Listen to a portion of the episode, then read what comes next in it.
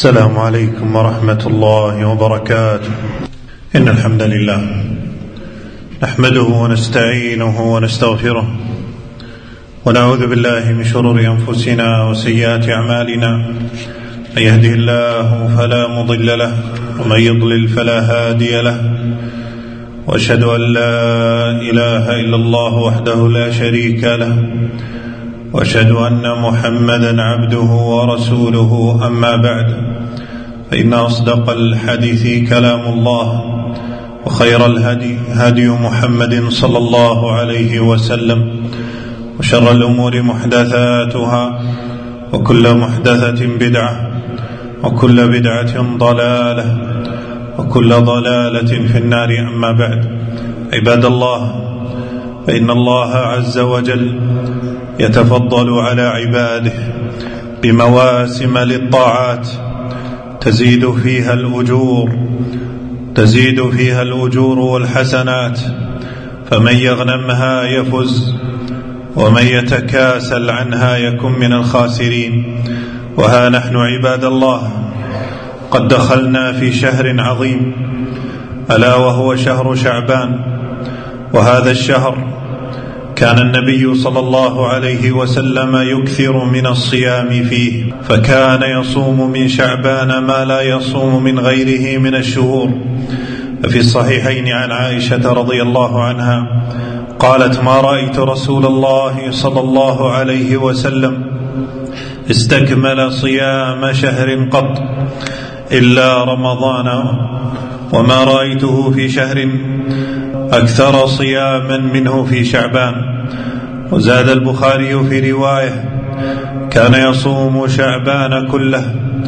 ولمسلم في رواية كان يصوم شعبان كله.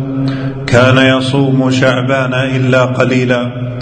وقد رجح طائفة من أهل العلم منهم ابن المبارك وغيره أن النبي صلى الله عليه وسلم لم يستكمل صيام شعبان وإنما كان يصوم أكثره ويشهد له ما في صحيح مسلم عن عائشة رضي الله عنها قالت ما علمته تعني النبي صلى الله عليه وسلم صام شهرا كله إلا رمضان ولهذا ينبغي للمسلم أن يكثر من الصوم في شعبان تأسيا برسول الله صلى الله عليه وسلم واحتسابا لثواب الله تعالى.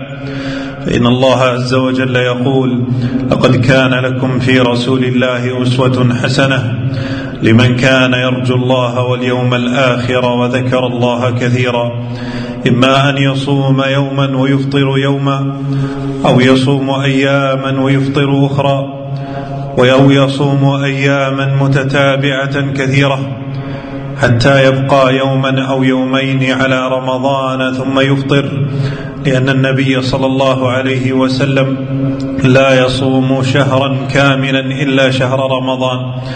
ذكر ابن رجب وغيره. أنه يلتحق في الفضل بصيام رمضان لقربه منه وتكون منزلته من الصيام بمنزلة السنن والرواتب من الفرائض قبلها وبعدها فيلتحق في الفرائض في الفضل وهي تكملة لنقص الفرائض وكذلك صيام ما قبل رمضان وبعده. فكما أن السنن الرواتب أفضل من التطوع المطلق بالصلاة فكذلك صيام ما قبل رمضان وبعده أفضل من صيام ما بعد منه. ولذلك رجح بعض أهل العلم فضل صيامه على صيام شهر الله المحرم. ومن أسباب الصيام في هذا الشهر أنه شهر يغفل الناس فيه عن الطاعات وأنه ترفع فيه الأعمال والحسنات إلى الله تعالى. عن أسامة بن زيد رضي الله عنه قال قلت يا رسول الله لم أرك تصوم شهرا من الشهور ما تصوم من شعبان.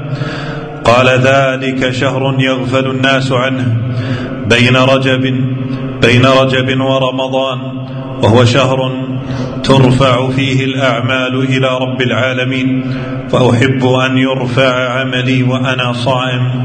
وقد قيل في صوم شعبان معنى آخر وهو أن صيامه كالتمرين على صيام رمضان لئلا يكون في صوم رمضان مشقة وكلفة بل قد يقبل قد تمرن على الصيام واعتاده. ووجد بصيام شعبان قبله حلاوة الصيام ولذته فيدخل في صيام رمضان بقوة ونشاط فكان شعبان كالمقدمة لرمضان لكن يكره التقدم قبل رمضان بالتطوع بالصيام بيوم أو يومين لمن ليس له به عادة لما ثبت في الصحيحين عن أبي هريرة رضي الله عنه عن النبي صلى الله عليه وسلم أنه قال لا تقدموا رمضان بيوم أو يومين إلا من كان يصوم صوما فليصمه. عباد الله كان بعض السلف كما ذكر ابن رجب رحمه الله من باب ترويض النفس وتعويدها على الطاعة في رمضان يسمون هذا الشهر شهر القراء لاجتهادهم مع الصيام بقراءة القرآن ومراجعته.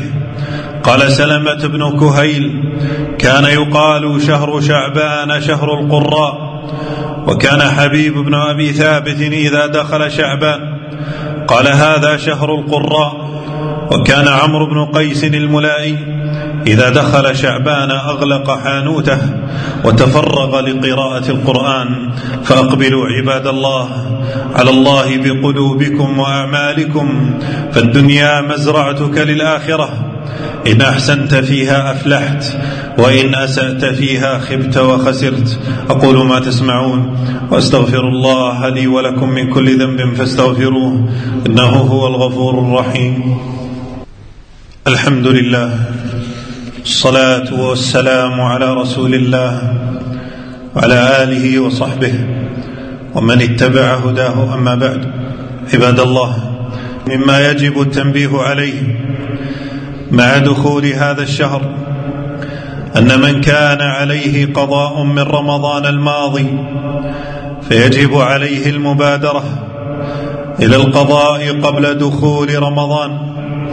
فعلى الأب والزوج أن يذكر زوجته وأولاده بقضاء ما فاتهم فإن كثيرا من الناس يتساهلون ويتناسون حتى يدخل عليهم رمضان فيترتب على هذا التسويف والتساهل الإثم والكفارة.